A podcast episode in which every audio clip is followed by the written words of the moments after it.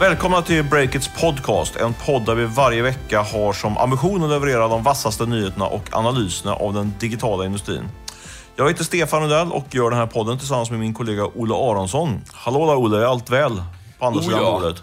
Ja, men det är det. Det är vår här i Stockholm. Eh, Solen skiner in genom fönstret här på Östermalm där vi spelar in eh, det här på länk till vår tekniker som sitter på andra sidan vattnet på Söder.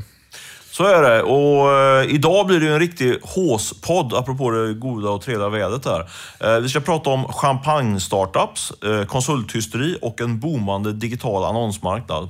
Men vi börjar med eh, börshåsen kring mobilspelsbolaget Leo Vegas. Eh, Olle, du har ju följt eh, handlingsöppningen här i morgon, på morgonkvisten i mer i detalj. Eh, berätta, vad är det du har eh, noterat? Jo, eh, Leo Vegas, de gick ju alltså in på börsens lista First North här nu på torsdagsmorgonen innan vi spelar in det här. Och eh, aktien övertecknades 22 gånger. Det innebär förenklat att det fanns efterfrågan på 22 gånger mer än vad eh, det fanns tillgång på aktier. Det är väldigt mycket då. Och kursen rusade med 40 procent ungefär öppningen och sen så sjönk den tillbaka till ungefär 20 procent upp. Men det är ju ändå en dundersuccé får man säga. Eh, Du Stefan, du är ju den som har skrivit mest om Leo Vegas innan den här noteringen. Eh, Kan du säga, hur ska man tolka det här ja, eh, lite nästan extrema intresset för den aktien? Ja, jag har blivit lite Leo Vegas-reporter här på eh, redaktionen. Eh, ja, jag säger som en av mina favoritanalytiker sa när jag frågade honom vad, vad hans så kallade take var på det här. Han, sa, han bara, gav mig bara ett ord, greed, sa han. Eh, vilket jag tycker var ganska talande. Eh, Leo Vegas, som tittar på, vi brukar skilja på bolag och eh, aktievärdering här i podden och även på breaket som helhet. Eh, Leo Vegas har ju haft en grymt stark utveckling som bolag. Eh, har ju ökat kvartal efter kvartal efter kvartal omsättning eh, och eh, gör ju också en liten vinst. Eh, men om man tittar på, på själva värderingen av aktien så blir ju eh, det nästan lite löjeväckande får man säga. Alltså om man tittar på värderingen på 2015 års vinst så värderas vinsten just nu till mellan 500 gånger och 1000 gånger vinsten. Och det är ju extremt högt. Eh, andra bolag på Stockholmsbörsen värderas väl typ 15 gånger vinsten. Eh, så jag skulle säga att... Ja, svårt att kommentera det här med värdering egentligen, men det, det är ju ganska, ganska uppblåst får man nog säga. Däremot tror jag att det är positivt att, det, att vi får en sån stark notering för, för techmarknaden generellt här i, i Sverige. Det är alltid bra när investerarna kan tjäna mycket pengar på en notering med, i bolag relaterat till, till tech. Så det öppnar väl dörren för ytterligare noteringar i, i, vårt, i vårt, det segmentet vi, vi eh, bevakar. Eller vad, håller du med mig i min analys? Eller vad, har du någon annan, annan insikt eller åsikt om detta? Ja, jag, jag, jag tycker att det är lite svårt faktiskt. Ehm, det, Leo Vegas är ju liksom, det rör sig ju någonstans i som säger, gränslandet mellan vad man skulle kalla mobilspelsbolag, eh, ja, startup-branschen och eh, den mer traditionella etablerade eh, nätkasinoindustrin. Och eh, jag tycker att det är lite svårt att veta vad som är rimligt här, men min jag har väl ingen riktig syn där, utan min generella... Tusen gånger vinsten, Nej, men som börsreporter reagerar lite grann på. Jo, men det, det reagerar jag absolut på. Men Ja. jag, jag har liksom, om jag säger så här då, det, om man tycker att tusen gånger vinsten, ja det låter ju helt extremt, men jag har liksom ingen tydlig syn om vad det borde vara. Alltså om det borde vara 20 eller 50 eller 102 liksom. Eh, däremot så kan man väl säga att eh, man, jag är väldigt övertygad om att i den här typen av eh, företag som, där liksom allt har gått helt, helt rätt hittills, så det, historien har väl visat sig någonstans att det finns svarta svanar någonstans. Det kan vara en spelskatt på, i något europeiskt land som vi inte har koll på. Eller någonting sånt nytt som kommer som slår mot aktiekursen eh, framöver. Och eh, när värderingen är så här extrem så kan man anta att folk liksom väljer att bortse ifrån alla sådana potentiella nedåtrisker. Och det har ju historiskt sett visat sig vara inte särskilt smart. Så det är väl min lite halvtråkiga, men eh, det är den taken jag har på det.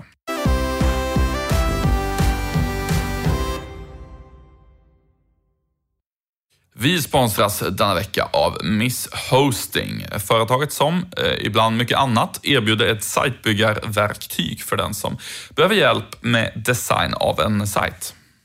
På så vis går det att bygga en enkel men snygg och proffsig sajt på fem minuter faktiskt. Och det gör det möjligt att komma igång snabbt och testa sin idé, vilket ju är det som många seniora entreprenörer berättar för oss i alla fall att man ska göra. Precis, man ska komma igång och testa sin idé direkt. Mindre snack och mer verkstad. Eh, och det här sajtbyggarverktyget med webbhotell och lite annat smått och gott, det kostar bara 10 kronor i månaden som lägst. Så du behöver inte dra på dig några kostnader direkt för att testa din idé. Tack Miss Hosting för att ni fortsätter att stötta oss. Då ska vi ta upp några väldigt spännande trendspaningar vad det gäller techindustrin och den svenska huvudstaden där vi just nu befinner oss. Och där det nu råder, som man kan säga, lite halleluja-stämning. Ja, jag har noterat en, en rad tecken på att 2016 kan bli året då de allra sämsta investeringarna på 15 år görs här i huvudstaden. Oj då, hoppas det inte det i Breakit eller något annat. Ja, det, jag tror att vi ska nog klara oss ganska bra. Men eh, en rad, eh, vad jag kallar för champagne-startups expanderar nu i Sverige. Är det ditt, eh, har du snott det epitet någonstans eller är det signerat Olle Aronsson det? Det, det, ja, det kan säkert finnas någon som har sagt det förut, men jag, jag har liksom kommit på det själv. Jag har inte snott det från någon artikel om man säger så. Vad, vad, och vad menar du då med champagne? Bra ord, bra rubrikord. Ganska långt i sig, men eh, bra ord. Vad, hur definierar du en champagne-startups? Ja, det är bolag som eh, kommer till och expanderar som mest när det är riktig champagnestämning i en viss stad. Och då tänker jag på eh, såna här lyxiga tjänster, typ Urbit, som ja, om du har köpt en väska på någon exklusiv butik så bär de hem den till dig. Eh, eh och sådana bolag typ Foodora och Walt som eh, kan leverera hem mat från lite finare restauranger och även lite mindre finare restauranger också, men ändå. Eh, eller Antlos som nu ska etablera sig i Stockholm med sin, sitt Airbnb för lyxyachter. Mm -hmm. Sådana stora fina båtar. Eh, och gemensamt för de här företagen det är ju att de, eh, oavsett vilka tekniska innovationer de eh, har, så är de väldigt beroende av den, dels den fysiska världen, alltså det måste finnas en massa budpersoner som ändå kostar pengar man måste betala någon lön till som kan bära ut de här grejerna. Ja, eller en kapten som kör båten då i Antlas fall. Och de är väldigt beroende av att folk ska vilja konsumera mycket och våga konsumera. Och dessutom så blir det ganska kapitalkrävande i flera, inte alla de här fallen. Men, eh, och det är ju någonting som kommer nu när det flödar in så otroligt mycket riskkapital i Stockholm. Eh, och sen så, då kan man fråga sig, ja men det här är väl, eh, det, att de är kapitalkrävande och beroende av folks konsumtion, det behöver inte vara något dåligt i sig. Och det är det väl inte heller, men däremot kan man konstatera att just nu har vi 4,5 procents tillväxt i Sverige, förmodligen 6 procent tillväxt i Stockholm som växer snabbare än landet som helhet. Vi har minusränta och Melker Andersson kan öppna en krog för 500 pers som inte ens har god mat och den är ändå full varje fredag. Eh, och Eh, det kommer ju inte vara för evigt. Nej, så är det ju säkert. Eh, det finns ju flera, ytterligare andra datapunkter på att det verkligen tuggar på som aldrig förr här, i, framförallt i Stockholm, men också ute i landet. Eh, det kommer siffror från IRM, Reklaminstitutet, som gör prognoser för hur den digitala och den eh, analoga annonsmarknaden utvecklas. Och de sa ju sa så mycket som att i år så räknar man med en tillväxt på 19 procent tror jag det var eh, för 2016 eh, för digital annonsering. Det är bra för oss här på Break, men det är kanske inte riktigt någonting man ska räkna med att det håller i sig för evigt. Vad, vad är din liksom, take på det här då?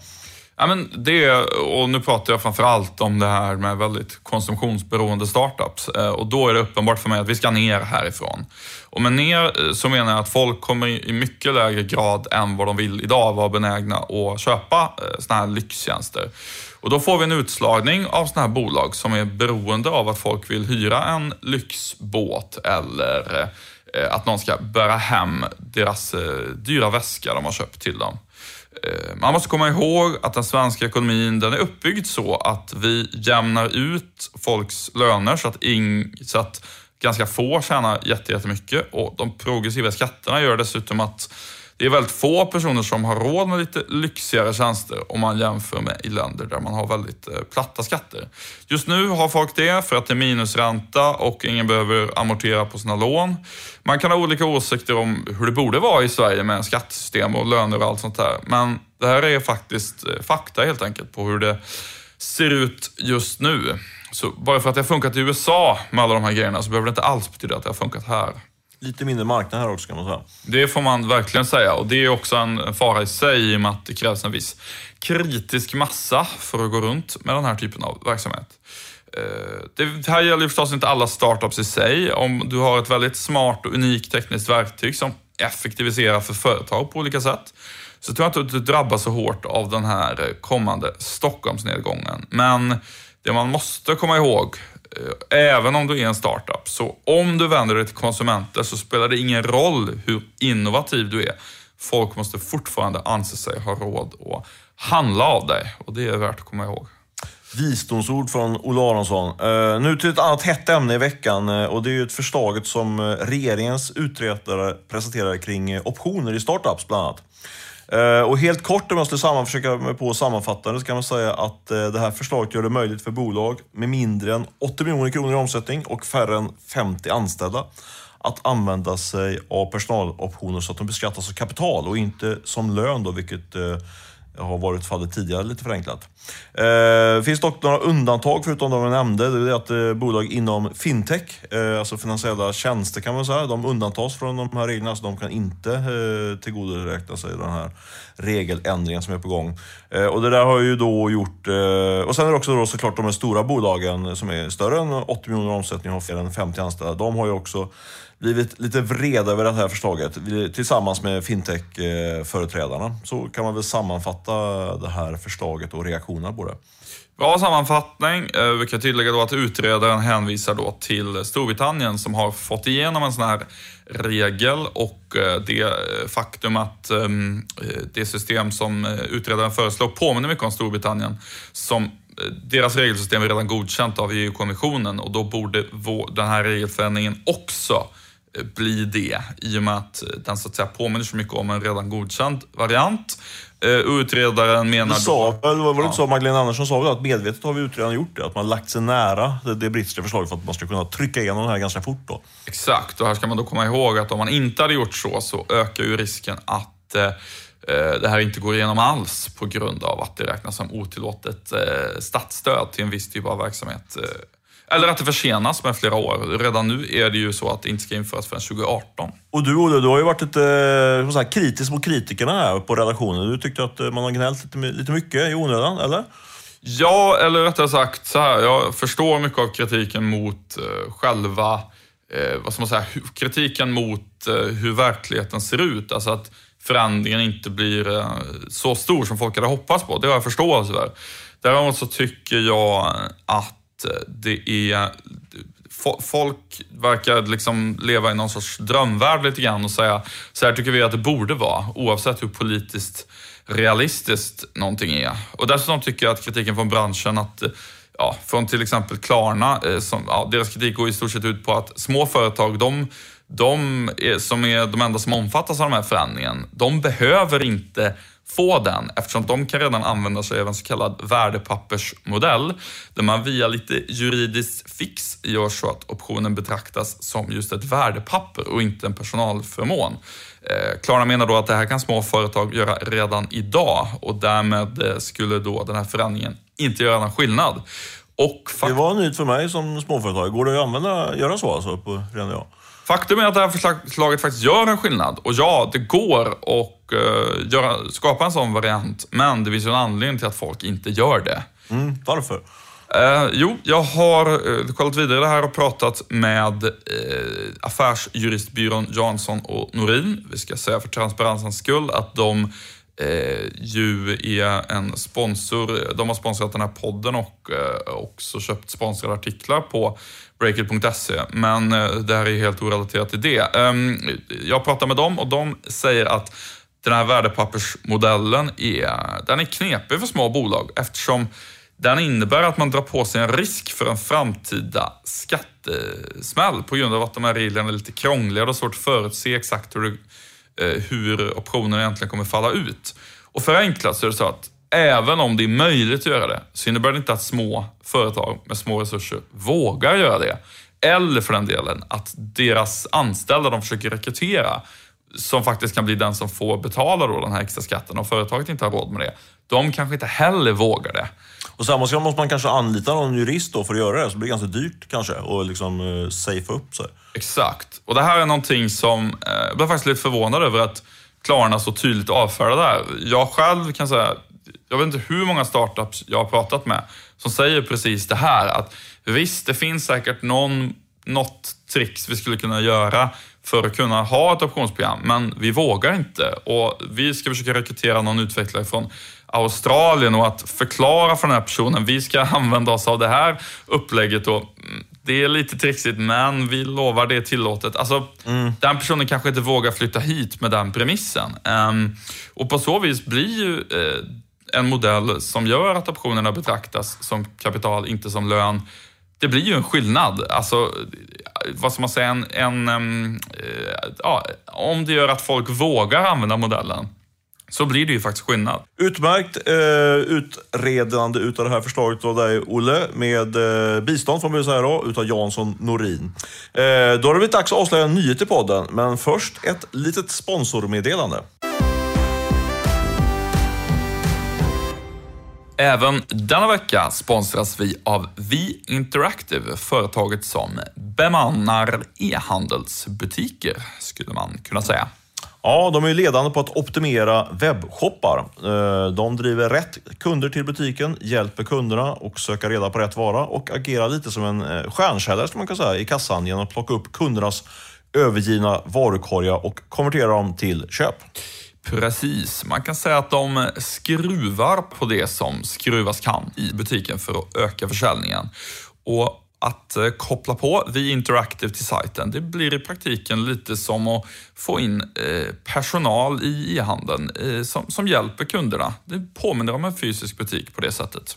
Sen är det ju inte helt fel att det är helt prestationsbaserat. De tjänar bara pengar när kunderna tjänar pengar. Exakt, och om du vill veta mer så kan du gå in på eh, alltså, eh, eh, V Interactives sajt. Alltså VE Interactive med enkel-V i början och signa upp ditt intresse där över hur du kan öka din försäljning online. Tack V Interactive för att ni sponsrar oss.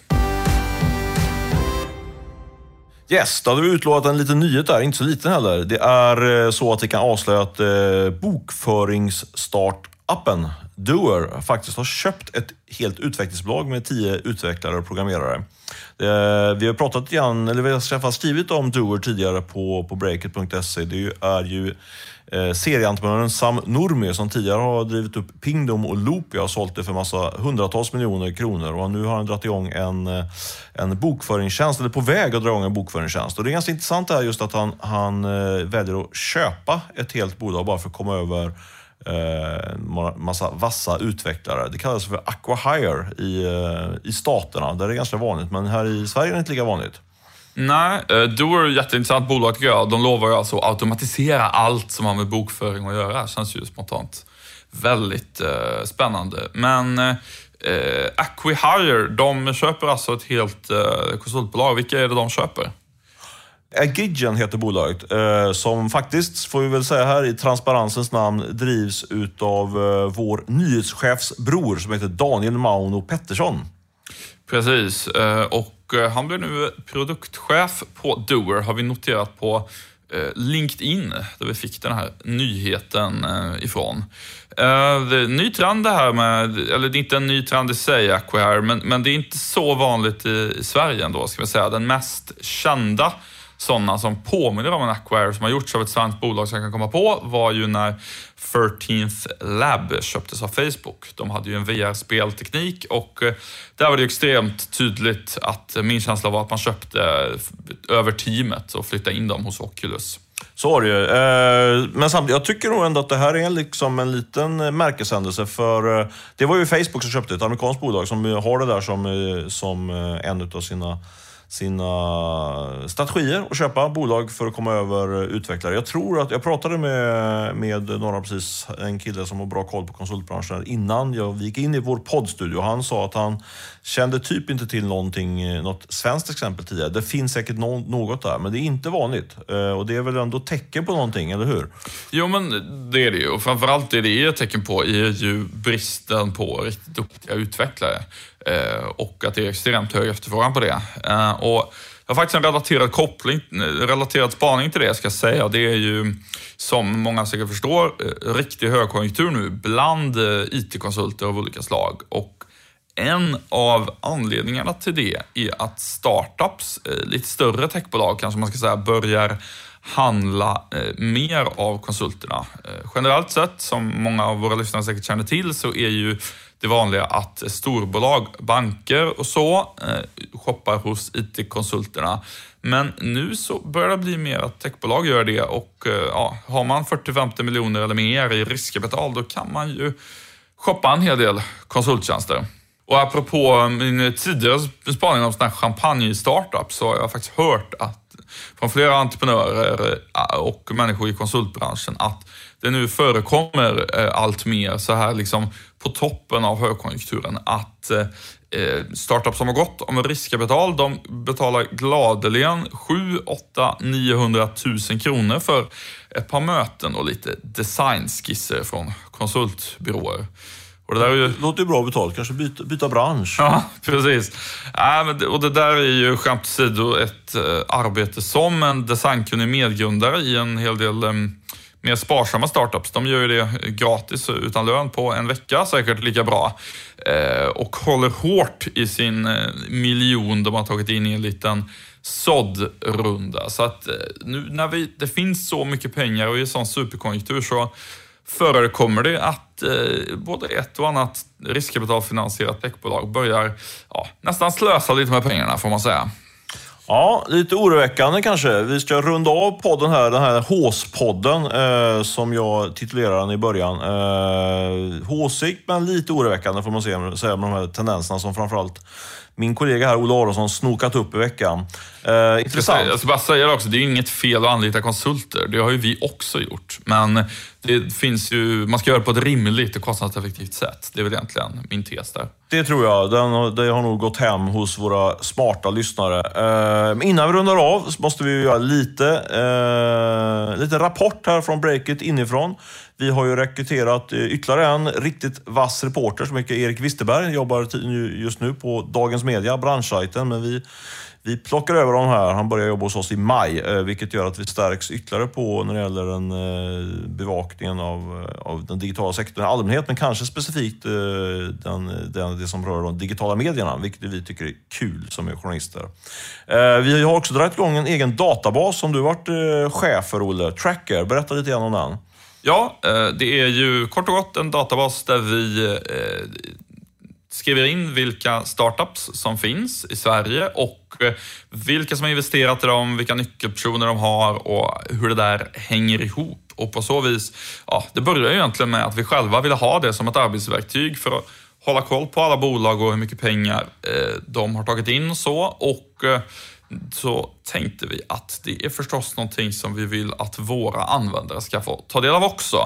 Och eh, hjälpa oss med också såklart. Vi, vi har ju fått en, det har varit en liten succé för oss. Här. Vi har ju uppmanat alla att gå in och regga sig där. Vi har ju redan en rätt stor bulk med bolag och personer som vi har knappat in här på kammaren. Men eh, eller hur? Det är många som, som på egen hand nu reggar sina bolag och sina, sina eventuella investeringar. Ja, eh, så är det. Och eh, just nu, eftersom vi precis gick ut och pushade det här, så finns det faktiskt fler företag i databasen än vad jag hinner godkänna. Så att det, just nu är det lite, kanske någon, eh, någon halvdags dröjsmål innan man publiceras i databasen, när man har lagt upp sig själv. Men det är ett positivt tecken. Absolut, det är, och det är väl ett eh, tecken till oss att avsluta den här podden så du ska hinna börja gå och godkänna alla de här människorna som vill eh, komma in i vår databas. Gör det Olle och så får ni andra gå in under tiden och kolla in breakit.se. Där har vi ständigt ett nytt nyhetsflöde och analyser. Ha det så bra så hörs vi om en vecka. Ha det gott!